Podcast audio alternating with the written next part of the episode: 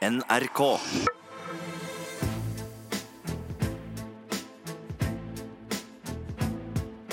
Trump mot verden med Gjermund Eriksen og Sean Henrik Matheson. Colonel Jessup, did you order the code red? You don't have to answer that question. I'll answer the question. You want answers? I think I'm entitled. You want answers? I want the truth! You can't handle the truth. Au, en klassiker, Gjermund! oh my god! Eh, Det meste av eh, riksrettshøringen er over. Nå venter vi på rettssaken i Senatet. Og da er det viktig med riktig stemning! Hva hørte vi her?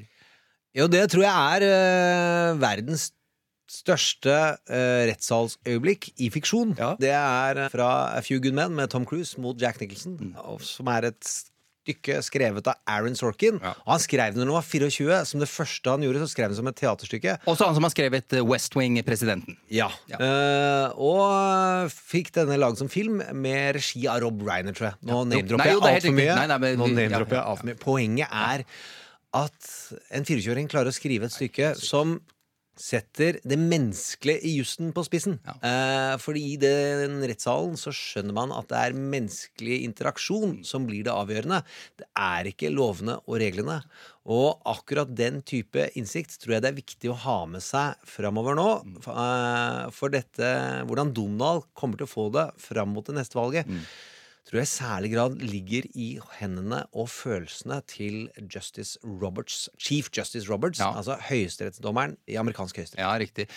Det menneskelige, altså, Gjermund. Ja, fordi lover og regler er, skal tolkes, ja. og han er som kjent eh, på vippen. Ja, ja, jeg vet det. Eh, En, eh, vi, vi kommer tilbake til Justice eh, Roberts eh, litt senere i dag. Men du, i- kjapt, Gjermund. eh, Vi er ferdig med høringene i eh, The Intelligence Committee. Nå holder The Judiciary Committee på. Hva er, hva er det de driver med nå, Gjermund? Bare så vi sier det. Ja, den første komiteen holder på med etterforskningen, Intelligence Committee, og skal den neste komiteen eh, utforme eh, eventuelt impeachment articles, altså hva som skal være tiltalepunktene. Om det skal være mange, om det skal være få. Ja. Det som kalles av skal de go big Ja. eller go narrow. Og det får vi se hva de kommer fram til. Mange eller få tiltalepunkter er big and narrow. Ja, eh, men også om de skal ta for seg eh, de flere tunge, eller gå for den ene som handler om bribery og extortion. Akkurat. Eh, velkommen til Trump mot verden. Det har vi jo jaggu ikke sagt ennå. Jeg beklager det. Jeg heter Sean Henrik Matheson. Eh, Gjermund Eriksen, the man himself, er også på plass. Du har hørt stemmen hans. Til deg som lytter, som alltid, hyggelig at du gjør det. Det er den 29. november. Det er fredag formiddag. Det er dag 1042 av Donald Trumps eh, presidentskap. Taper han er det 418 dager igjen, med eh, forbehold. Eh, Vi har jo gjest i dag også, Gjermund. Det er stor stas. Bård Larsen, historiker og forfatter, jobber i tankesmien Sevita. Civita. Han skal komme hit og fortelle litt om hva han tenker om det republikanske partiet, og, hva som skjer der. Han kommer om ikke så altfor lenge. Gjermund, tre ting vi skal snakke om. Eh, Det var det med Høyesterett og Donald. Ja. Uh, En start, for man kommer ikke gjennom alt når det gjelder Høyesterett og Roberts. Uh, og så er det alarm, Alarm. har vi kalt det, for Donald, for det republikanske partiet Ja, ja. og for USA. Eh, så får vi se hva vi legger i det når vi har snakka med Bård. Som jeg er på fornavn med. Ja. Eh, presidentens eh, mørkeste mann er punkt tre. Ja. Stephen Miller. Huh. Det kan alle glede seg til. Det er sinnssykt. Det er mørkt! Det er drama. mørkt, ok. Eh, Tre, ja, eller det er ganske mm, ja, flere ting vi ikke skal snakke om i dag, eh, Gjermund. Eh, Men vi tar det fra lyst til mørkt. Ja, den vi ikke har tid, og det er litt for tidlig. Det kom en dårlig nyhet for Det hvite hus i forgårs. Det kom en lekkasje om at eh, det at FBI har sabotert eh, Donald Trump med vilje under den Russlandsetterforskningen, Ja. eh, det blir avvist. Og da er det klassisk at eh, Det hvite hus administrasjon eh, da dumper den type lekkasjer ut rett før thanksgiving Ja. for å liksom ta litt lufta ut av den. Ja, Og det betyr at det ikke er så gode nyheter for Det hvite hus, tror vi. Ja, ok. Apropos eh, thanksgiving, eh, Donald Trumps war. On eh, Thanksgiving er også i gang. Jeg skal ikke snakke så mye om det, men vi skal nevne det. Ja, det er, eh, det er galskap. Eh, Det er jo en klassiker med War on Christmas Ja. i Fox News-segmentet, som har kommet til Norge. Det er noen som prøver seg med det her òg. Og War on Thanksgiving, det er dit Donald måtte gå for å toppe det. Ja, Han sa det i en tale på, i Florida for et par dager siden. Og, for, sannsynligvis fordi han hadde sett på Fox News, fordi de da har funnet på at det er en war on thanksgiving. Eh, Sondland har gått på en eh, Donald, eh, riktignok bare med tre kvinner. Ja, det vil si en sjuendedels Donald, hvis jeg husker antall kvinner som har eh, varslet om Donalds seksuelle trakassering. Ja. Nei, det kom nå tydelig. Jeg syns man må kunne le av alt, men uh, det, det er lov å ta det seriøst Ja. uh, om man ikke hele tiden er alvorlig. Ja, ok. Ja. Uh, Donald sier at USA blir voldtatt av Nato. Det er mørkt. uh, det kommer annet fram i den Anonymous-boka og andre kilder som sier at det er språkbruken han har om den uh, organisasjonen som prøver å ivareta fred i den hvitevestlige verden. i, i verden.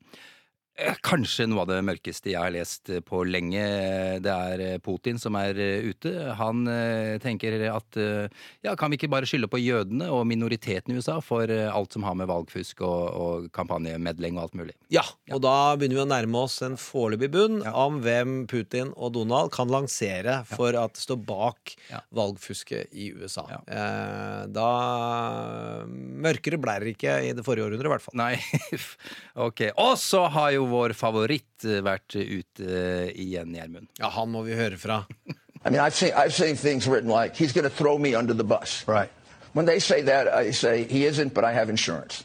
I mean, Okay. it is ridiculous. He, uh, we are very good friends. He knows what I did was in order to defend him, not to dig up dirt on Biden. This goes back a year ago before Biden hadn't even decided to run for president.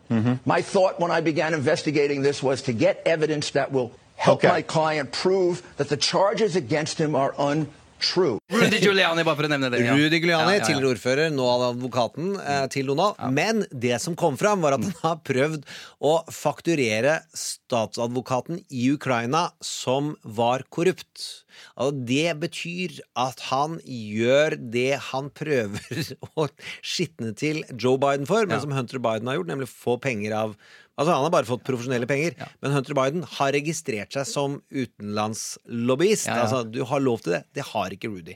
Så han bryter loven glatt. eh, Og Han gjør det Biden-sønnen er eh, anklaget for av republikanerne og Donald Trump. Ja, og verre enn det, for han bryter loven. Eh, Hunter Biden har ba bare utnytta at eh, faren hans var visepresident. Ja. Men, eh, og vi kan ikke gå gjennom Donald, Vi bør ha en Rudy special før Ja. jul. Ja, Eh, for det er mange lovbrudd på mange forskjellige nivåer. Rudy nå er under etterforskning for, Ja. og det hadde vi her òg. Men eh, nå kom det jo La oss si det kom en melding. Ja, ok, la oss høre.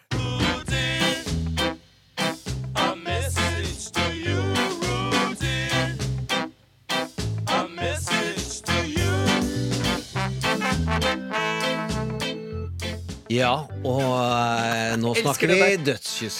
Eh, nærmer seg okay. dødskysset. Ja, Eh, lyden av eh, Du vet hva det er? Eh, ja, ja. En gul, svær buss. Oh, ja, Hør ja, ja, hva. Donald gjør her. Rudy, I don't, I don't even know. I know he was going to go to Ukraine, and I think he canceled the trip.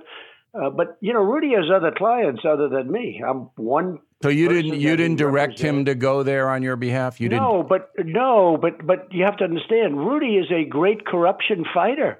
He's one of the greatest in the last 50 years. Ah, har vært mye, vil jeg si. Ja, det er Bill O'Reilly, som den tidligere Fox-hosten, som da har fått et nytt program, og Donald ringer inn. Og så begynner Donald å ta ut avstand. Det som skjer med folk han eh, ikke tror eh, han er tjent med å ha rundt seg. Ja, ja. Jeg sier ikke da at det er helt sikkert at Rudy blir kasta under bussen, Nei. for det kan være sant det han sier, Ja. at han har forsikring. Okay. Vi vet ikke, men eh, det syns jeg vi skal ta for oss i en Rudy spesial nærmere jul. Ja, Nydelig. Vi skal til eh, domstolene, og vi skal til Høyesterett i USA. Denne uka starta med at en eh, føderal domstol eh, nektet Don Trump å holde sin nære juridiske rådgiver Don McGann fra å vitne foran Kongressen. Det ble anket dagen etter, og nå har det kommet fram at anken vil behandles eh, 3. januar av Høyesterett, The Supreme Court. Ledet av chief justice John Roberts, eh, som vi nevnte innledningsvis. Han er høyesterettsjustitiarius, med andre ord. Har vært det siden 2005. Ble nominert av George Bush den yngre, med andre ord. Han er konservativ, han er republikaner. Som den norske høyesterett er The Supreme Court landets øverste rettslige instans, eh, og den er føderal. Altså alle stater i USA må forholde seg til det som bestemmes eh, der. Den består av justitiariusen og åtte andre medlemmer, ni til sammen, eh, som regel relativt jevnt fordelt eh, mellom demokrater og republikanere. I dag er det fem republikanere og fire demokrater. Det er ni for at den skal være beslutningsdyktig, altså at det vil bli et overtall eh, når saker skal avgjøres. Gjermund, hvorfor skal vi snakke om Høyesterett i dag? Jo, for det, det kommer jo ganske tydelig fram i den dommen eh, hvor viktig Høyesterett er. Den tar for seg tredelingen av makten, og den står Nå er ikke jeg noe ekspert på alle mulige land her i verden, men jeg syns den står tydeligere på spissen i USA, hvor den får politiske konsekvenser og trenger gjennom nyhetsbildet, i hvert fall målt opp mot Norge. Ok, Hvordan da? Eller hva mener du? Nei, det er jo at Høyesterett avgjør den politiske retningen USA tar. Ja. På hvilken måte gjør de det? Nei, det er for eksempel eh, Citizen United er en høyesterettsdom fra ja, 2008 eller 2007. Så, tidligere enn det, faktisk. Men den var et frislipp av penger som ikke behøver å si hvem som står bak støtte i valgkampen. Ja. Uh, og det da endrer da hele dynamikken for hvordan valgene foregår. Såkalte superpacks, ikke sant? Ja, blant annet. Uh, hvor man sier at det å ha penger, det er rett til å prate. Ja. Og du behøver ikke si hvem som prater lenger. En superpack er en stor organisasjon som, som, eh, som samler masse penger, og som er litt sånn utenfor partiet, som likevel kan donere penger til kandidater som f.eks. skal stille som presidentskap. Re rett og slett. Men, og i denne dommen så kommer det fram flere sider ved denne uh, tredelingen av makten. Nemlig, og den her gjør narr av Justisdepartementets forsvar for at Donald skal kunne hevde absolute immunity. Altså at hans nærmeste rådgivere skal ha absolutt immunitet fra å forklare seg. Okay. Uh, og da sier uh, dommeren at vi har ikke konge. No one is above the law. Ja. En god, gammel amerikansk kjenning av en setning. Og det eh, vil jo ankes opp til Justice Roberts, og hvor han må avgjøre eh, hvordan dette egentlig henger sammen. Viktigste med USAs maktfordelingsprinsipp er jo checks and balances. Og Kongressen sin rolle er jo å bedrive check på den utøvende makten. Nemlig at folk som jobber i administrasjonen eller i regjeringen, må stå til ansvar overfor de som lager lovene. Er det det så som er the balance? eh, Eller, ja, det, er, ja, det er balance. Balance betyr mellom alle tre, men Ja. at Kongressen skal uh, sjekke og granske og bedrive oversight, eller ettersyn, uh, om man vil, Ja. av Kongressen, det er helt essensielt. Og det blokkerer Donald. Ja, ok. eh, og hvis ikke Justice Roberts klarer å mobilisere uh, lite grann på vegne av X-Fill-pensumet vårt, Ja, ja. Montesquieu, altså Ja. tredelingen av makten, som eh, de klarte å regne seg ut i, så, ja, i grunn, ved Grunnloven.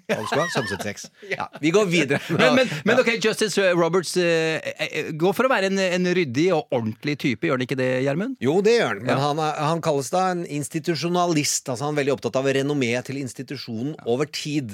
Han kommer til å få alle lommelykter og spotlights på seg når han må avgjøre om Donald skal få det som han vil eller ikke. Eller om Donald skal, i ytterste konsekvens, eh, få bli sittende eller ikke. Hva er det du sa nå? Altså, hva er det han vil ha for seg selv, eller ha, ha på plass i Donald? Nei, Donald vil jo ikke ø, frigjøre noe informasjon til Kongressen. Ja. Han vil ikke la de granske noe som helst. Nei. Eh, Det vil si, de får ikke innsyn i papirer, i, i, de får ikke spørre de som jobber der, hva ligger bak ulike beslutninger, og hva ulike utformings... Hvordan politikk egentlig har vært utformet. Og det har vi merket nå under impeachment-høringen. For da er, det, da er det dokumenter og vitner som ikke har dukket opp. Ja, men det starta jo under Müller-etterforskningen, hvor eh, han lot sine folk samarbeide med Müller, men når Kongressen skulle granske det, da sa han absolutt stopp. Ja. Og det han satser på, er at dette er så tregt i det rettssystemet at det ikke får konsekvenser før neste valg. Akkurat. Men det tror jeg ikke står seg. Der er det tre store sakskomplekser som seiler opp foran Justice Roberts, og som antageligvis vil havne på bordet hans. Hvilket sakskompleks er det, da? Det første er jo rett og slett dette om, man, om vitner og informasjon skal komme til Kongressen, og om de skal få innsyn eller ikke. Ja. Og hvor denne dommeren på mandag eh, var ganske klar. Eh, Den andre er jo noe vi venter veldig, veldig spent på. Skattepapirene hans! og det er via veldig mange ulike komiteer og etterforskninger som ønsker skattepapirene til Donald. Og det skal vanskelig gjøres av Roberts å skyve det over neste valg, om han skal ta stilling til det. Og hvis vi husker det, så er det det berømmelige skillet mellom shall og can Ja. i, eh, der det står i loven. Ja. Eh, De skal utlevere skattepapirene, men har ennå ikke gjort det. Nei. Og den tredje, som jeg tenkte vi kan fordype oss litt i dag, Ja. er emoluments clauses. Emoluments. Eh, Ja. Alle disse tre tingene du har nevnt nå skal opp i Høyesterett til Justice Roberts. Ok, Emoluments, hva er det for noe? Emoluments. Emoluments, det har tatt meg et år Det har faktisk tatt tre år å snakke om. Nei, det er jo et eh, Det er godtgjørelse. Ja. Er en god norsk oversettelse for det. Ja. Og det står da i Grunnloven at eh, presidenten ikke skal ha noen former for godtgjørelse, verken fra utlandet Eh, Det er to steder i Grunnloven dette står. Det står eh, spesifikt om utlandet. Har ikke lov til å gi gaver eller presanger eller på noen som helst måte eh, gi noe. Eller noen i delstatene. For du skal ikke påvirke. Og det, man skal ikke skape interessekonflikt. Og dette tenkte da grunnlovsfedrene på når de utforma det. Fordi de hadde jo nettopp eh, gitt fyken til et kongerike kalt Ja. England. Ja. Eh, og en fransk konge som ønsket dem, og prøvde å smøre seg inn og påvirke hvordan eh, USA skulle bli. Og det ville de på no ingen måte ha noe av. Og så ville de ikke ha noe av at noen av delstatene prøvde å jukse til seg bedre betingelser Nettopp. enn de andre. Akkurat. Og det, under Jefferson, den tredje presidenten, så fikk han en sånn gaveeske med, sikkert med elfenben og edelstener og alt mulig, og den måtte han bare levere. Levere tilbake. Ja, for der lot den seg påvirke. Ja, så husker jeg ikke hvem som ga den gaveesken, eller om det var elfenben og edelstener, men inni fantasien min så var det elfenben og edelstener. For det er det i eventyr òg. I en liten kiste. Ja. Men eh, bare, bare for å si det, han får jo lønn, da. Det, det skal sies. Han har, en, han har en lønn i bånn her, men det er alt han får. Det er, Presidenten, men det er, det er ikke en hakkande gæren. Og så er det en god tradisjon for at presidenter blir stein rike etter sin avgang. Er Helt riktig. Ja. Eh, vi har jo et lite lydklipp av Donald Trump der han eh, forholder seg til eh, emoluments. Ja, og det forholder han seg eh, La oss eh, len dere inn og finn løgnen. I don't run my business. I actually put all the stuff in trusts. They run my, and I didn't have to do that, but under no obligation to do it. I don't think uh, you people with this phony emoluments clause, and by the way, uh, I would say that it's cost me anywhere from two to five billion dollars to be president. Åhå, ja vel, ja. Ja. Han har ikke putta det i noe trust. Eh, Det er sønnene som nå driver butikken, men det har ikke vært noe eh, vanntette skott mellom sønn og far. Eh, Så er det viktig å si at det pengetapet han sier at han har tapt et sted mellom 2 og 3,5 milliard, er også ganske grunnleggende dokumentert at han har tjent penger på Ja. sitt presidentskap. Akkurat. Og derfor har vi disse Ilmoluments-rettssakene. Akkurat.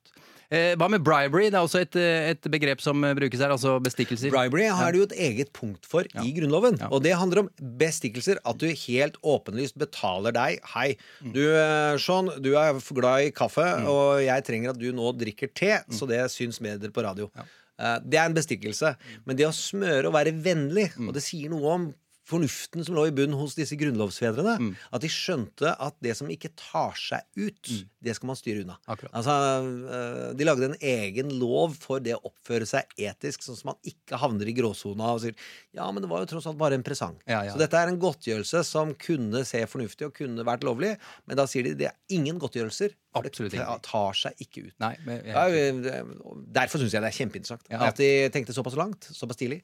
Og verre har det blitt. Gjermund, hva skjer dersom eh, Trump skulle bli dømt eh, i, i Høyesterett eh, på noen av disse sakene her? Først og fremst en politisk konsekvens. Det vil si at folk får høre at han har brutt Grunnloven eh, klokkereint. Så må han gjøre om på sin livsførsel. Eh, det er de rettsinstansene flinke til. Du kan ikke tjene penger på hotellene dine på den måten. Så enten så får du selge hotellene dine, eller så får du organisere det på en annen måte. For dette kan ikke fortsette. Men han kan bli sittende, sier du nå.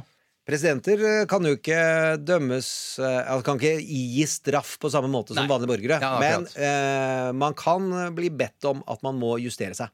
Og, det, og så er det tre saker som eh, Det er på tre ulike områder han nå utfordres gjennom rettssystemet, og hvor de har prøvd å få hive ut de sakene kjempehardt. Ja. Det ene er New York, hotellene, hvor eh, andre hoteller har gått til sak og sagt Vet du hva, det, når Ta Ukrainas president. Og da kan dere bare skjønne hvor usmakelig og hvor problematisk det er at mens han snakker med Donald Trump i den berømmelige telefonsamtalen vi har et sammendrag av, Ja. så sier han 'Å, jeg bodde på hotellet ditt, da, vet du'. Ja. Viser at han har lagt igjen penger hos Donald Ja. og prøver å få goodwill av det. Ja. Vel, det sier de andre New York-hotellene, at det er jo et bevis på at han utnytter sin stilling, og Ja. at han beriker seg selv gjennom embetet. Ja, Zelenskyj eller eh, Trump? Det var nei, at Trump beriker seg selv. Ja, ja, Zelenskyj bare ja. Prøver å smiske, Ja, og det sant, gjør jo alle, selv vår superhelt. Er ikke alle like glad i Jens Stoltenberg? Veldig mange. Ja, men som Nato-leder så eh, formulerer han seg utrolig vennlig overfor Donald. Jeg vet ikke åssen han tenker å følge, men jeg aner meg at han ikke er nødvendigvis verdens største trumpist. Han heller. Sannsynligvis ikke. Ja. Eh, De to andre sakene bør vi ikke fordype oss i, men det går på skatt, tror jeg, i Maryland. At eh, den delstaten taper penger fordi Donald Trump har hoteller i Washington. Og så er det Washington som prøver eh, Kongressen, som også der mener at han utnytter sin posisjon, og at de må ha innsyn i økonomien for å vite hvordan presidentembetet prøver å bli påvirket. Eh, og de, de tre sakene kommer til å seile opp foran Justice Roberts før vi vet ordet av det. Ah, det blir eh, spennende. Eh, Gjermund, eh, vi skal til ukas gjest. Eh, Bård eh, Larsen, historiker og forfatter som jobber ved eh, tankesmien Civita. Trump mot verden med Gjermund Eriksen og Sean Henrik Matheson. Mange kommentatorer, eh, flest på venstresiden, kan vi si, men også på høyresiden, eh, mener at det republikanske partiet er i fritt fall. At det er eh, ødelagt, eh, og at partipolitikk, egen karriere og personlig vinning for republikanske politikere har eh, tatt over. eh, Og skjøvet eh, ære, patriotisme og respekt for lov og orden. Ja, selve Grunnloven. At det er skjøvet eh, til side. Kanskje ikke så rart at noen hevder dette her, med tanke på alt det de har godtatt og forsvart av det president Donald Trump har gjort de siste tre årene. Alt eh, er tilsynelatende helt greit for det republikanske partiet. Bård Larsen, eh, velkommen til Trump mot verden. Takk, det er morsomt å være her. Ja, Så hyggelig. Du er historiker og forfatter. Skriver ofte og godt om eh, ja, la oss kalle det regimer vi ikke ønsker at USA skal ligne på. Eh, Også skrevet mye om eh, Trump. Du jobber i tankesmien Cevita, som jo ligger til høyre i det politiske landskapet. Kan vi kalle deg konservativ, Bård? Ja, kanskje det. En, Ja, ja. en slags liberal-konservativ. Det, er litt viktig forskjell, det. Ja, altså. jeg, jeg har skjønt det. Eh, Men er du også republikaner? Kan vi si det? Nei. Um, amerikansk politikk er vanskelig å oversette til, eh, til norsk politikk. Det er jo det første, ikke sant? Ja. Så eh, en, en, liberal republikaner eller en, en moderat demokrat kan jo ofte være ganske like. Ja. Bård, eh, hva var ditt forhold til amerikansk politikk før Donald Trump? Uh, før Altså, jeg jobber jo med, med autoritære ideer og sånn. Det er liksom mitt hovedanliggende i, når jeg jobber på, ja, på jobben min. Og da, da må jeg si at liksom Trump var det som boostet min sånn nesten litt monoman interesse for USA. Ja. Før det så var det på det jevne. Um, skuespiller eh, Robert Redford, en eh, strålende mann. Alle presidentens menn, eksempel. Spilte jo Bob Woodward der, altså om eh, Watergate-skandalen. Mm. Han skrev et leserinnlegg på NBC sine nettsider for et par-tre dager siden. Han skrev annet, eh, Bård, eh, vi er inne i en krise jeg trodde jeg aldri skulle oppleve i min levealder. Et diktatoraktig angrep av president Don Trump eh, på alt dette landet står for, og dets, alle dets verdier. Han kaller Don Trump en diktator. Er han det? Han kaller han en diktator wannabe, nærmest. Gjør han ikke det? Ja, det, det? Det er han jo helt åpenbart. Ja, Totalitær figur, hva er det jeg hadde tenkt. Uh, Ja, uh, jeg, hører at noen bruker begrepet totalitær. Ja. Uh, Da, da kommer historikernerden eller Den vil vi ha statsviternerden. fram! Vil vi Jo, hva, betyr, for hva, hva betyr totalitær? To totalitær er kort fortalt altså, sånn, Du har en overbyggende ideologi. Indoktrinering av mennesker for en bestemt ideologi. Du, det er menneskelig ingeniørkunst. Altså, det, det er type altså, nærmest sånn politisk-religiøse samfunn. Okay. Og det er veldig spesielle eh, regimer i verdenshistorien. Stalin, Hitler, i dag Nord-Korea. Dit kommer vi ikke. Nei, ok. Eh, Men det er en viktig distinksjon, fordi også, det betyr jo ikke Det er mange som tror at et totalitært samfunn må være det verste regimet i verden. Det mest voldelige. Det behøver det ikke være. Altså et autoritært regime kan være mer voldelig enn enn et, enn et, enn et eh, totalitært Men, men, eh, altså, hva er et eksempel på det? Er, hvem er da autoritært ekstremt voldelig, og hva er totalitært Ja, nice to en, en morsom uh, sammenligning er på 70-tallet DDR og Chile uh, Ja. under Augusto Pinochet. Altså, Pinochet var ikke totalitær, han, men han var helt klart autoritær. Ja. Og sto bak i hvert fall 3000 drap uh, på 70-tallet. Ja. Mens i DDR var det praktisk talt ingen drap. Mens DDR var et gjennomkontrollert, totalitært, indoktrinerende samfunn. Men de hadde heller ikke behov for å, å knerte folk. Men du kan si at en sånn eh, common sense-forståelse av et totalitært og et autoritært regime at et totalitært regime er pedagogisk, det skal oppdra og indoktrinere barn fra vugge til grav, og i sivilsamfunnet Det finnes ikke noe egentlig sivilsamfunn Ja. eh, som ikke er politisk kontrollert, mens en, en vanlig diktator, en eh, klassisk diktator, han, han vil ha makt Ja. og slår folk i hodet hvis de protesterer, men ellers så kan de gjøre mye av det de vil. De kan reise ofte og sånne ting. da. Og det er den leia Donald altså Man kan se diktatortrekk, selv om han ikke ser totalitære trekk. Ja, altså Han er mer sånn shakespearsk diktator enn en ideologisk diktator. Hørtes plutselig litt fint ut. beviser podcasten vår sånn. Det er altså. drama. Eh, Men eh, hvis vi går tilbake til eh, det republikanske partiet, hva, er som har, hva vil du si, Bård? Hva har skjedd med det partiet? Ja, du var jo inne på det. Det som er skremmende med republikanerne, med The Grand Old Party, er jo at de på så kort tid altså, Du husker når, når det var når Trump eh, ble kandidat, sånn, så var det jo masse protester. Eh, Og på rekordtid så har det blitt et sånn uh, The Dear Leader-parti. Det har blitt, uh, det blitt en personkult ut av det. Og Men- det du, du var jo også inne på de ulike forklaringene på det. det er Posisjon og, og frykt tror jeg også spiller veldig inn her, da. Men, men når, når, altså Skjedde det umiddelbart etter at han ble valgt, eller når skjedde det, liksom? Ja, det skjedde rimelig umiddelbart. Det gjorde, og her spiller jo selvfølgelig da den amerikanske stammepolitikken inn. Altså at man, Hva betyr det? Det betyr at det er veldig, veldig utgangspunktet har vært polarisert lenge, så man støtter opp om presidenten sin. Men dette er jo veldig spesielt, da. Polarisert altså, mellom demokrater og republikanere. Ja, ja. ja. Utformingen av at basen er viktigst, det vet republikanske politikere. Det er det ikke Donald som har skapt. Det var skapt før Donald. Eh, og så var Donald flink til å utnytte det. Han hadde null støtte når det var 'grab them by their pussy'. Så var jo alle beredt for å gå fram. Eh, og de fleste av de trodde jo at han kom til å tape valget. Ja, ja, ja. Så det var ingen som meldte seg spesielt på. Der er det Chris Christie, han store, runde Ja, ja. eh, fyren. Og så er det et par andre, som var Jeff Sessions, som var den første senator som gikk til Donald Trump. Nesten ingen andre senatorer hadde meldt seg på. Og vips salabim, eh, så var alle i folden eh, en måned etter valget. Men det er nok en annen ting som spiller inn her òg, fordi um, ak akkurat dette her opportunistiske innslaget Det er jo en del som nå begynner å Også i det republikanske partiet som begynner å bli til selvgranskende.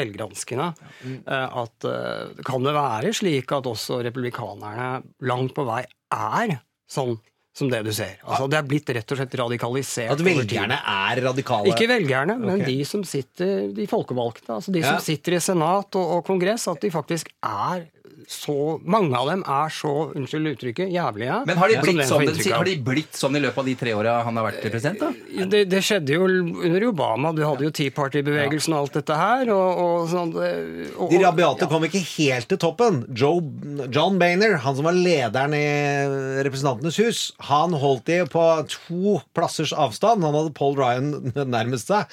Og så vokste det opp, og så kom de én plass nærmere når Boehner han plystra når han sa opp jobben. Så jeg ble tatt opp av hvordan han plystra ut av jobben sin. For han var så glad for å bli kvitt de, de folka. Og så kom Paul Ryan, og nå er lederen en av Tea Party-bevegelsen, McCarthy. Og da syns jeg jeg er veldig enig med Bård. Altså, at det, det er de rabiate kreftene som kom inn i 2010. Nå er de lederne. Og de er for det Trump gjør. Finnes det noen positive krefter i det republikanske partiet, Bård? Det finnes eh, faktisk ganske mye, eh, men eh, ikke i posisjon. Ikke, ikke spesielt i posisjon. eh, men blant de mer intellektuelle, de har jo falt fra. Nesten alle sammen. Hvorfor har de det?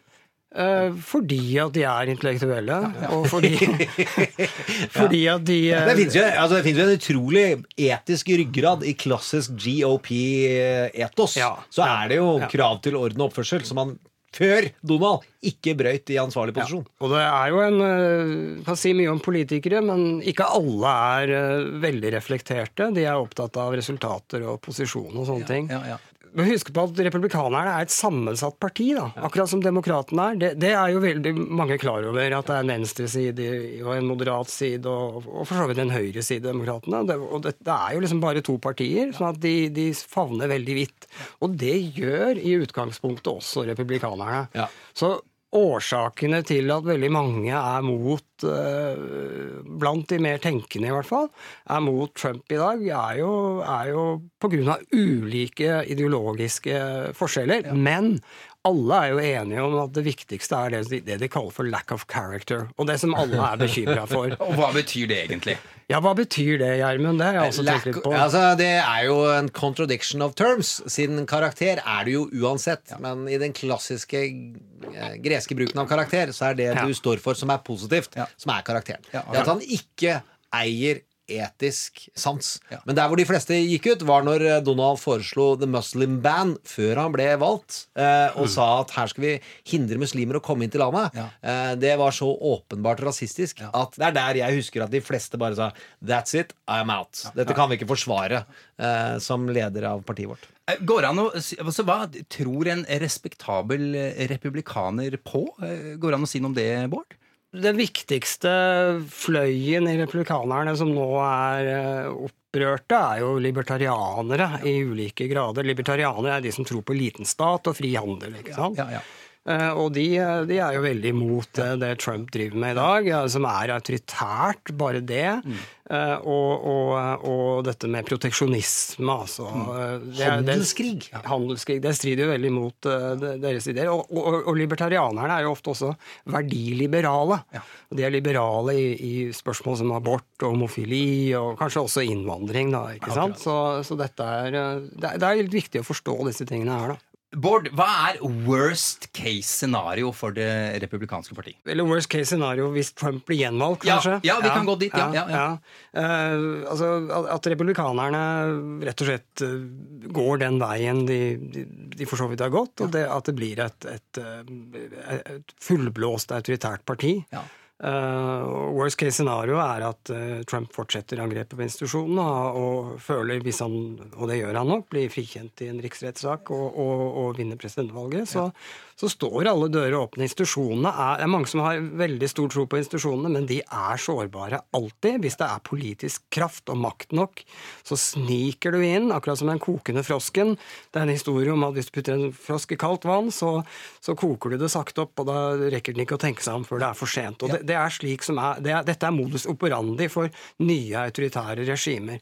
Eh, Så dette er jo sånn, dette er blitt snakket mye om, at han skaper et autokrati. Men det, vi har ofte en tendens til å tenke veldig politisk ovenfra og ned. ikke sant? Hva skjer på det politiske planet med ideologi og alle de store kanonene?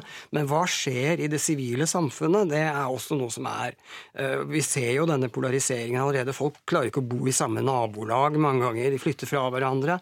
Og hvordan dette her vil utarte seg i sivilsamfunnet. hvordan- Hva det gjør med mennesker. Hva det gjør med etikk og moral når presidenten er fullstendig uten moral og lyver og er en bølle og er rasist, og hva dette her gjør med mennesker som bor i dette samfunnet, som, som da har tatt generasjoner å bygge opp. Ja.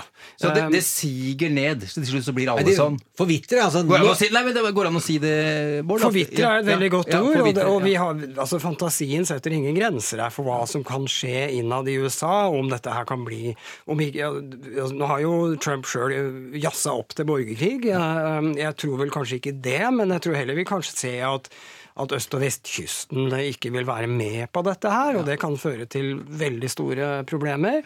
Um, så ja, fantasien setter ingen grenser for hva, hva som kan skje. Og det kommer til å bli veldig, veldig mye vold. Jeg tror, tror jeg.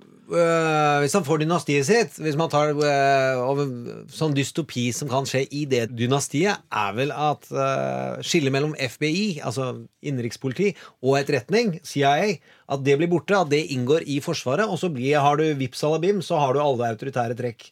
Eh, Alle måter å bruke maktmidlene og sause det sammen og bruke det mot egne innbyggere for å holde de, Uh, USA på Og, og dette her er jo veldig, veldig spesielt og bryter med all amerikansk tradisjon. PJ Rook, som også er republikaner, var det opprinnelig, eh, men nå eh, vel kanskje ikke er det lenger. Har vært en stor mann i det republikanske partiet som humorist, skrev i Rolling Stone osv. Og, så videre, og vært et sånn intellektuelt liberalt alibi i det republikanske partiet. Han stemte jo på Clinton og ble spurt om dette her på et talkshow som sier litt om hva dette dreier seg om. For han sa det at eh, Clinton is wrong about everything. But she's wrong within normal parameters. ja, Selvfølgelig! Og dette er ganske Ah. sterke ord, Ja. eh, som du kan tolke i forskjellige måter, selvfølgelig, men jeg syns det sier alt om, om Trump og dette prosjektet som de er i gang med nå, som er veldig farlig. Jeg synes det er en ting som er viktig, for da mange tenker hvordan, så ille kan det ikke gå under Trump, fordi han har jo ingen ideologi. Hvorfor skulle han gjøre dette her?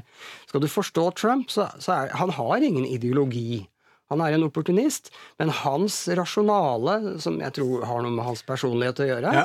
er å bygge opp en finansverden, en, en, et dynasti, etter modell av Putin. Og hva er Putins ideologi? Jo, det er masse snikksnakk om, om nasjon og sånn, dette tror han for så vidt på, men først og fremst er det et kleptokrati. Ja. Det vil si at man da lager en stat hvor det er en masse eh, organisasjoner, eh, finansinstitusjoner og Trump selv og familien hans som sitter med politisk kontroll og kan gjøre hva de vil og bygge opp en, et enormt korrupsjonsvelde.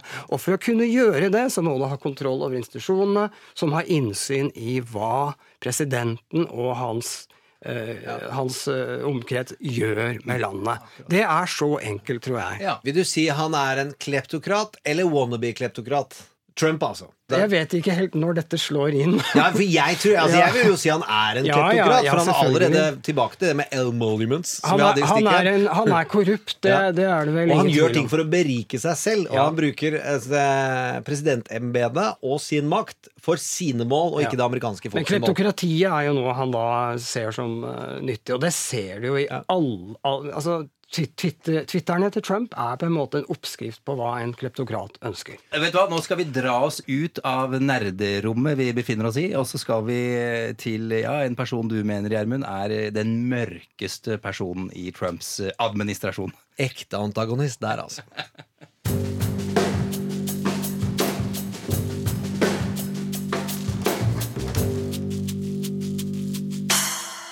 Vi skal til en eh, fyr, en, en mann som heter Steven Miller. Ung mann, 34 år gammel. Han er politisk rådgiver i innvandringsspørsmål for Don Trump, og også en av hans taleskrivere. Eh, Det vil ikke være helt uriktig å kalle ham høyreekstrem. Eh, Det er ikke lenge siden en haug av e-poster han har skrevet, ble lekket. De hadde han sendt til Breitbart, dette ytterliggående høyre-nettstedet til Steve Bannon.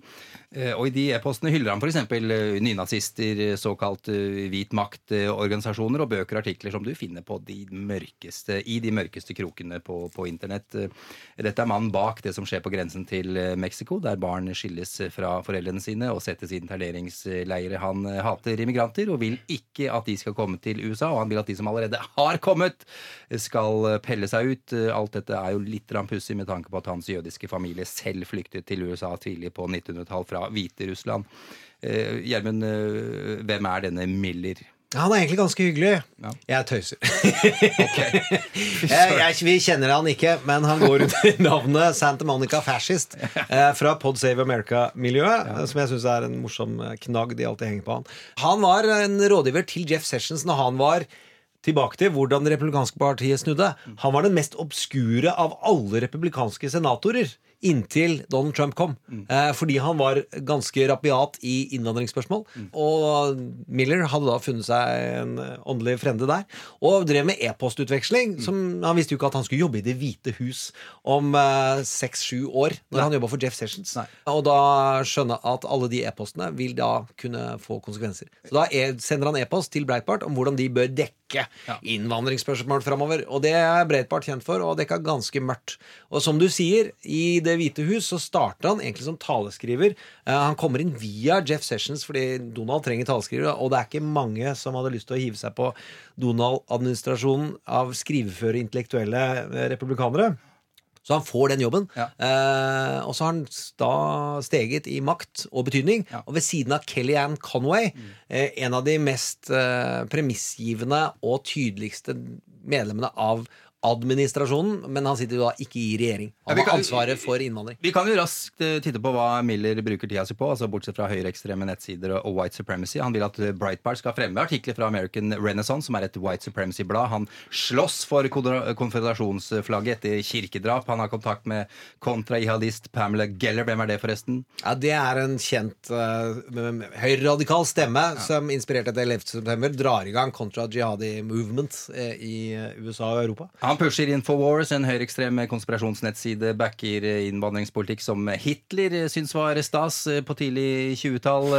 Eh, Selvfølgelig en haug av konspirasjonsteorier om eh, innvandring osv. osv. Eh, Bård, hva er ditt inntrykk av eh, Miller? Jeg, så, jeg har sett et sånn gammelt klipp av Miller når han gikk på high school. Ja. uh, hvor han uh, skal stille som holdt på å si, elevrådsrepresentant. Og, og da, da sier han jeg skal si noe som ingen andre har turt å si, og det er at hvorfor skal vi plukke opp søppel? Når vi har, eh, har vaktmestere som kan gjøre det. Og, og dette har jo surra godt som et sånn. Ja. uttrykk for, for hva slags personlighet han er. Jeg vet ikke om disse vaktmesterne var svarte vaktmestere eller hva det var, men I eh, Santa Monica så er, la oss si det god sjanse for at de var latinamerikanere, i hvert fall. Men hvordan ser Nei, du på men, nei altså, ja. det, er, det er ikke noe tvil om at han er en white supremacist. det, det, Men hvordan, hva tenker du om at han at, eh, at det er Donalds nære rådgivere? Er det? Altså, hva, hva Ja, det er jo et uh, lite mysterium. Det er uh, hvorvidt Trump er rasist eller ikke. Det er mye som tyder på det, og så er det noe som ikke tyder på det. Jeg Hva er det som tyder på at han ikke er det? Jeg tror at, uh, at Trump er liksom litt rasist på impuls, men han er ikke noen ideologisk uh, rasist. Men Jeg tror men, det. Men, nei, jeg tror ikke det. Tror ikke, tror ikke han har den, uh, den substansen i Han seg. er jo også dømt fra altså, Dette er bare men- for diskusjon, men, i når 70-tallet så hadde han housing ja. Men når jeg sier at han er rasist på impuls, er ikke det noe godt skussmål. Nei, det er- det er så, så, men jeg tror at han bare har disse folkene rundt seg fordi at uh, dette er bra for ham, Ja, ja. og det er bra for basen. Jeg synes Det er en ting vi skal huske på med, med Miller, og hvorfor han er i den posisjonen han er. Bortsett fra at det virker. Ja. Det er det som bl.a. Max Boot har snakket om, som også er en republikaner. Og han, han er veldig blitt litt i likhet med Charlie Sykes for øvrig. David Gått veldig En, av de, en av de bra folka? ja, ja, absolutt. ja, ja, ja. Og, og en del sånn sjelegransking på hva er liksom det republikanske partiet verdt for noe. Og Max Boot går veldig langt og sier at jeg har undervurdert hvor sterkt liksom hvit identitetspolitikk, skråstrek rasisme, alltid har stått i det replikanske partiet. Og, og, og det, dette har jo med velgerne å gjøre primært, i hvert fall inntil eh, fra 2010 eller whatever. Så jeg tror at, eh, at eh, Og den, e den enkeltstående faktoren som avgjorde presidentvalget Man har liksom sett på hvorfor vant Trump, og det er sosioøkonomi, og det er masse forskjellige forklaringer. Men den eneste forklaringen som duger generelt, er at dette dreide seg om, om, innvandring. Om, om innvandring. Det dreide seg om hvit identitetspolitikk. Den hvite majoriteten som føler seg tråkka på, osv. Det er ikke noe tvil om, sier du, Og, og i Bård. dette, Ja, og, Av, av velgerne så er det da ganske mange som, eh, som eh, er ute i det landskapet som Miller rører i. Og da, det er også et uttrykk for at Trump er ikke fremmed for å forsterke den delen av det fremmedfiendtlige eller xenofobiske For sin opinion. egen del og egen vinning, slik at han fortsetter å være president. eh, ikke sant? Ja, whatever, Ja, what's the boat? Ja, ja, nettopp. Ja. anything goes. Anything goes. Jeg vil, si, jeg vil si at eh, For å komme deg i møte, så tror jeg han er personlig eh, rasist, men er flink til å gjemme det. Det går en linje tilbake til faren som ble tatt med Ku Klux Klan i eh, tidlig 1900-tallet, eh, som er ganske mørk. Men han skjønte ikke det at det er innvandring som er det store kortet han kan vinne valget på. Det er det Roger Stone og hans rådgiver som sa, som fant på The Wall som en eh, minneknagg Donald kunne bruke, fordi han måtte lage en enkel metafor, sånn som han alltid skulle huske på i talene sine, at gjør dem redde for innvandrere. Da Vi lager en metafor som han kan forholde seg til. Hva kan det være? En, bygge, en eh, byggeentreprenør? En vegg! En, vegg! En vegg! Det er sånn det faktisk oppsto. Okay. Og, eh, og så politisk motivert rasist, det måtte han få hjelp til å bli, men god damn så flink han har blitt. Hvis- og der har eh, Ja, det går an. Hvis vi går tilbake til Steven Miller, han er jo også taleskriveren til Donald. Hør på dette her, vi har et li- lydklipp. 2017 will be remembered as the day the people became the rulers of this nation again. The crime and the gangs and the drugs that have stolen too many lives and robbed our country of so much unrealized potential. This American carnage stops right here and stops right now. American Carnage. Jeg får ekte tårer ja, over hvor utrolig mørkt det der er. Nei, er dette fra innsettelsesinntalen? Det er inaugural speech, ja. Ikke sant? Ja, ja. Hva syns du? Ja, det er jo tatt rett ut av dreieboka til en demagog. Ja, dette er eh, autoritært. Dette er autoritært. Og, og det er en sånn the real people-tale, ikke sant? Ja. Alt, eh, jeg snakker på vegne av folket, og folket det er meg. Og, Og de er alt- hvite. Og de er hvite, og de er autentiske, og de kan spores tilbake til gamle dager, så videre. Hva hvis vi går til eh, andre store taler eh, på republikansk side? Er det, er det noen vi husker spesielt godt da, som vi bør snakke om i dag? Som ikke handler om Donald Trump nødvendigvis? Jeg er ikke noe sånn bevandra i taler, må jeg si, men eh, det jeg husker Jeg, jeg har jo Som veldig mange, mange plutselig nå er blitt svake for Reagan, da. Ja. men, men det har jo noe med lack of character å gjøre. At man lengter tilbake til Reagan. Men eh, jeg husker jo veldig godt Berlin-talen hans i 87. Mr. Gorbachev, tear down this wall. Ja, ja, vi- men dette henger jo sammen med at han var eh, veldig delaktig i, i eh, den kalde krigens slutt, på, på, på sitt vis som er veldig dyktige rådgivere. Det skal han ha, Ron Reagan. ja. Jeg syns han skal ha det. Ja, ja, Ikke altså. alle er enige om det. Reagan skal, skal ha sikkert ha pepper for mye, men han holdt også avskjedstalen handlet nettopp om immigranter. Ja. Altså at USA Det er er, bygd av det, og den er veldig vakker og vakkert levert. Men husk på at Reagan var en skuespiller. Ja. Ja, men det hadde vært fint å høre et lite klipp av, av Reagan sin eh, avskjedstale. I think it's fitting to leave one final thought an observation about a country which I love. It was stated best in a letter I received not long ago. A man wrote me and said, You can go to live in France, but you cannot become a Frenchman. You can go to live in Germany or Turkey or Japan, but you cannot become a German, a Turk, or Japanese. But anyone from any corner of the, ler- of the earth can come to live in America and become an American. Ronald Reagan der altså, som eh, sier akkurat det dere akkurat eh, nevnte, Bård og, og Gjermund. At eh, åpenbart eh, i, at innvandring er en viktig del av USA og deres historie og alt det der. Ja. Ja. Eh, På den mørketallsiden til Donald, som Steven ikke har, så fortalte jo Bård meg, minna meg på eh, et utrolig eh, dikt som Donald bru- begynte å bruke tidlig. Eh, La oss bare høre litt grann hvordan det er. And this is called the snake. A snake. Oh, snake. Right? On her way to work one morning, down the path along the lake, a tender hearted woman saw a poor, half frozen snake. Her pretty colored skin had been all frosted with the dew. Oh, well, she cried, I'll take you in and I'll take care of you.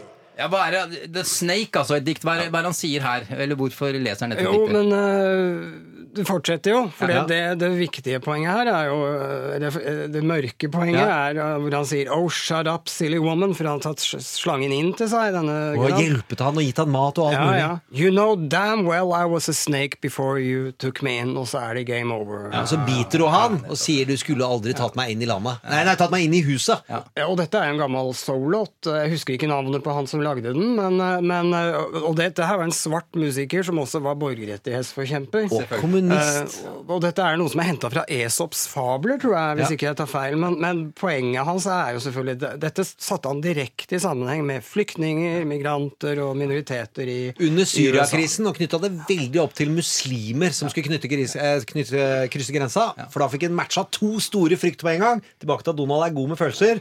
Frykten for innvandrere generelt, og muslimsk terror spesielt. Men det, det som er liksom påfallende, er at slangen har jo vært et veldig sånn altså Julius Streicher, som var en, eh, en demagog under Hitler, som drev dette vanvittige bladet som het Der Stürmer, som var så antisemittisk at selv Hitler ble flau over det. uh, uh, han brukte jo slangen gjennomgående på eksakt samme måte som Trump gjør da i forhold til jødene. Og, og, og dette, altså, det er rett og slett ikke noe filter her i det hele tatt. Frysninger her. Bekmørkt. Skulle løfte humøret litt. Ja, skal vi gjøre det? Da, altså- la, oss, la oss høre litt rann, her på, på slutten. Eh, litt på Donald Trumps egne talegaver. Hva vil du si, Gjermund? Det er viktig. Altså, En ting jeg i hvert fall skal ha for at jeg har vært konsekvent på, er at Donald er en god taler Ja. hvis man måler det opp mot effekt, Ja. og ikke hva vi kaller taleestetikk. Ja. Han er flink med rytme. Rytme, han er flink med gjentagelser, og han er flink til å holde publikums interesse. Selv om det bærer hit og vær og der Ja, ja. Og her har Silje funnet fram et utrolig morsomt uh, klipp hvor man tonesetter talen hans, så man forstår hvor flink han er. The campaign to impeach President Trump has begun. That was the headline. If somebody stays from, let's say, a Middle East country in one of my hotels and we charge him $392.53, they say Trump is getting rich. We took it from here and we took it from there. We took it, took it from all over the place. The phony Russia hoax. Ja, det er noen små eh, klipp her, men det er stort sett rett fram. Dette her også, Det er ganske fantastisk. Ja. Ja. Ja. He has rhythm. Yes, rhythm. Eh, vi skal til eh, ukas karakter. Charlie Sykes, MSNBC contributor and editor in chief of The Bulwark. Uh, Charlie. Charlie Sykes. And Charlie Sykes, I thought of you today. Ukas karakter, eh, Charlie Sykes Bård. Det er du som har tatt med deg han i dag. Jeg syns det er alltid spennende å høre never-trumpere prate om, om krisa som skjer i USA, fordi at de har et litt annet utgangspunkt. En del av de her eh, Raddis-podkastene er veldig morsomme, men de er jo på én måte forutsigbare. Det er svakheten deres, at De er, og de er veldig dårlige på selvanalyse. Og, og, og det, det som Charles Sykes er en veldig moralsk person. Men han er republikaner, ikke sant? Ja, jeg tror han fremdeles er i partiet, Ja, ja. eh, men er en voldsom eh, never-trumper. Han er full på impeachment. Han er fullt på at demokratene må finne seg en kandidat som kan vinne over Trump. Det er alt som betyr noe. Han mener at man må ha en moderat eh, kandidat. Han går nok for Buttigieg, og, og han vil også stemme på den demokratiske kandidaten. Og det er alt Det er bare Trump hele tiden på podkastene hans, som kommer ut flere ganger i uka. Og hva heter podkasten? Uh, the Bulwark. Bulwark. Bollverk. Så det er veldig anbefalt å høre på. Ja. Han, han er selv også veldig sånn granskende i hva er det jeg har holdt på med sjøl. Han tar opp også uh, riksrettssaken mot Mm. Clinton, som han faktisk var en del av. Han var sånn radiohost på en sånn konservativ eh, radio i Milwaukee, tror jeg, som, uh, som eh, hadde veldig mange lyttere. og- Støttet han, støttet han ja, eh, da gjorde han det, og det er jo noe han nå skammer seg ganske mye over på én måte. Og der er også mannen til uh, Kellyanne Conway snudd. Han angrer på at de tok impeachment mot Clinton. George Mm. Conway, advokat eh, som jo er gift med eh, Kellyanne Conway. Det var en annen uh, for ukas karakter. Du ville ha, med, ha fram en forfatter også. Ja, uh, Philip Roth har skrevet eh, en, av, en av de beste bøkene som noensinne er skrevet, hvis den er opptatt av historie, og kontrafaktisk historie. Altså som, historien om det som ikke skjedde. Ah, ja. Og den boka heter The Plot Against America, på norsk Konspirasjon mot Amerika. Den er for kjøpt på pocket, Ah. så det koster ikke mye penger. Det handler kort Og lydbok. Og Jeg lasta ned som lydbok, men har ikke kommet i gang. Nei, det må du gjøre. Jeg skal, jeg, Ja. du har kjeftet Jeg leste den for andre gang nå. Jeg leste den flere år før, eh, før eh, Trump, og så leste jeg den nå. og Det er en aha-opplevelse av en annen verden. Kort fortalt så handler det om at Charles Lindberg, som var en ravende antisemitt og tyskvennlig før krigen, blir president i USA, og han går inn i et sånn America First-program. eh, og og ta, snakker mye om den jødiske konspirasjonen. Hans hovedprosjekt er å holde USA ute av krigen mot Hitler, og han eh, danner allianse med Hitler, ikke helt formelt, men formelt nok til at det er en allianse. Og det er på en måte litt grann eh, Trump eh, det, er på en måte litt eh, Trumps program. Trump vil også liksom ut av alt engasjement i, i vestlige Eller i f.eks. sikkerhetssamarbeid og, og økonomisk samarbeid og sånn. Men poenget er det i hvert fall at Roth har skrevet dette her som en barndomsskildring av seg selv, og det er jo ikke sant, men mye av det er sant. Han vokste opp i New York, ikke New York, men New York, eh, og, og i et sånt jødisk nabolag. Og faren hans er rasende mot Lindberg osv. Så, videre. så er det én sekvens der i den boka som er så fantastisk, og det er, de har lenge bestemt seg for å reise til Washington for å se på alle de store monumentene. Capitol Hill og, og Lincoln-monumentet og alt dette her. Fordi at faren til Roth er så stolt av Amerika.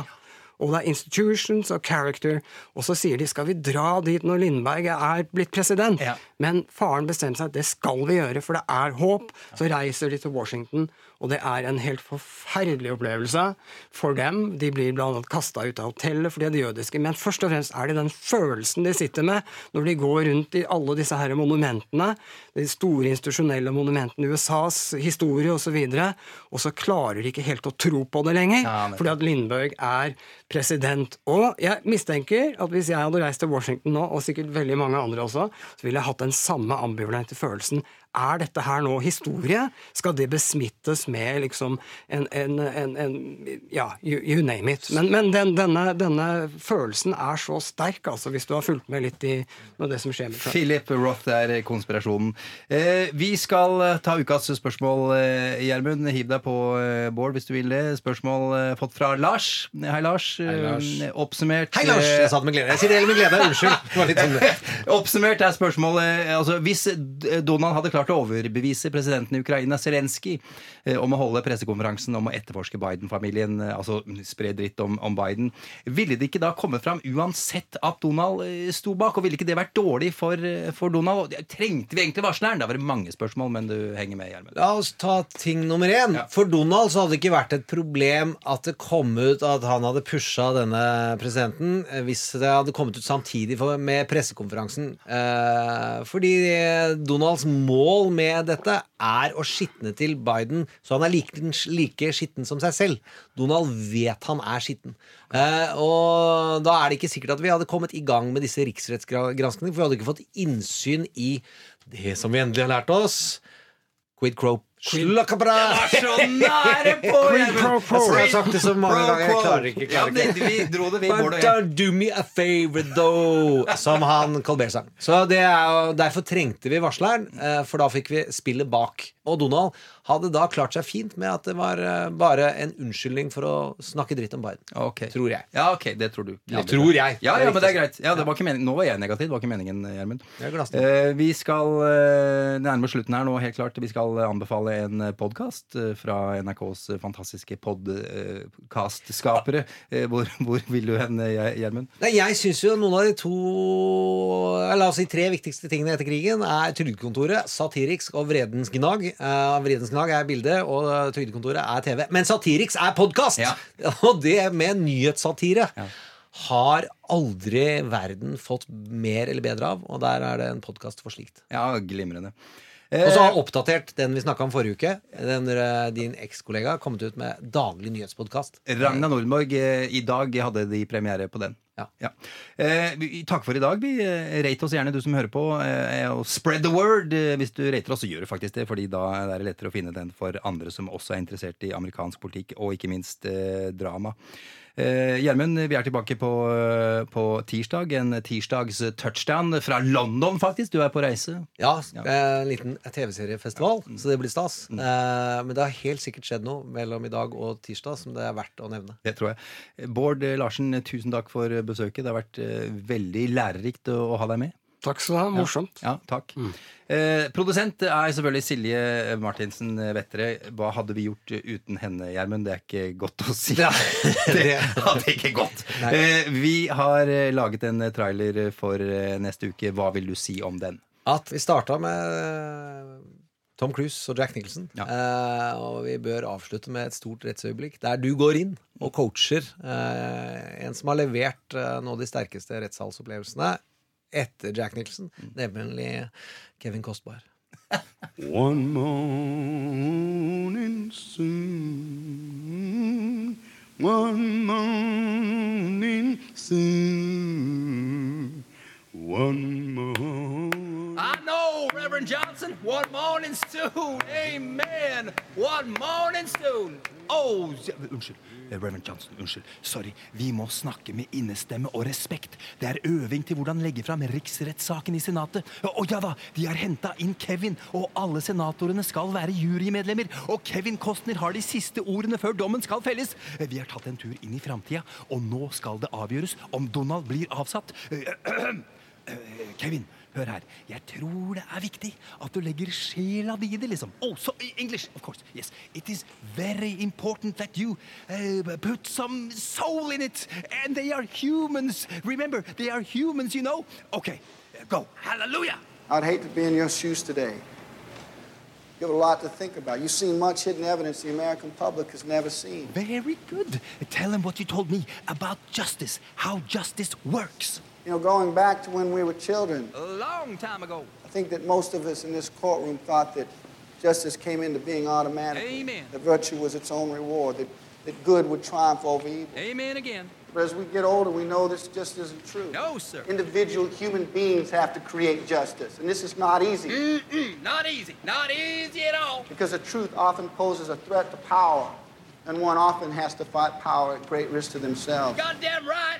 Some people can't handle the truth. Tell them about the support. I have here some $8,000 in these letters sent to my office from all over the country. That's a lot of money. Quarters, dimes, dollar bills from housewives, plumbers, car salesmen, teachers, invalids. Praise the Lord. These are people who cannot afford to send money but do. Are you listening? These are the ones who drive the cabs, who nurse in the hospitals, who see their kids go to Vietnam. Oh, okay, okay. Ooh, uh, Vietnam is way back. Uh, push forward, push forward and feel it, brother. Because they care. They care. Because they want to know the truth. the truth, baby. We want the truth. Because they want the country back. It's our country. Because it still belongs to us. It does. As long as the people have the guts to fight for what they believe in.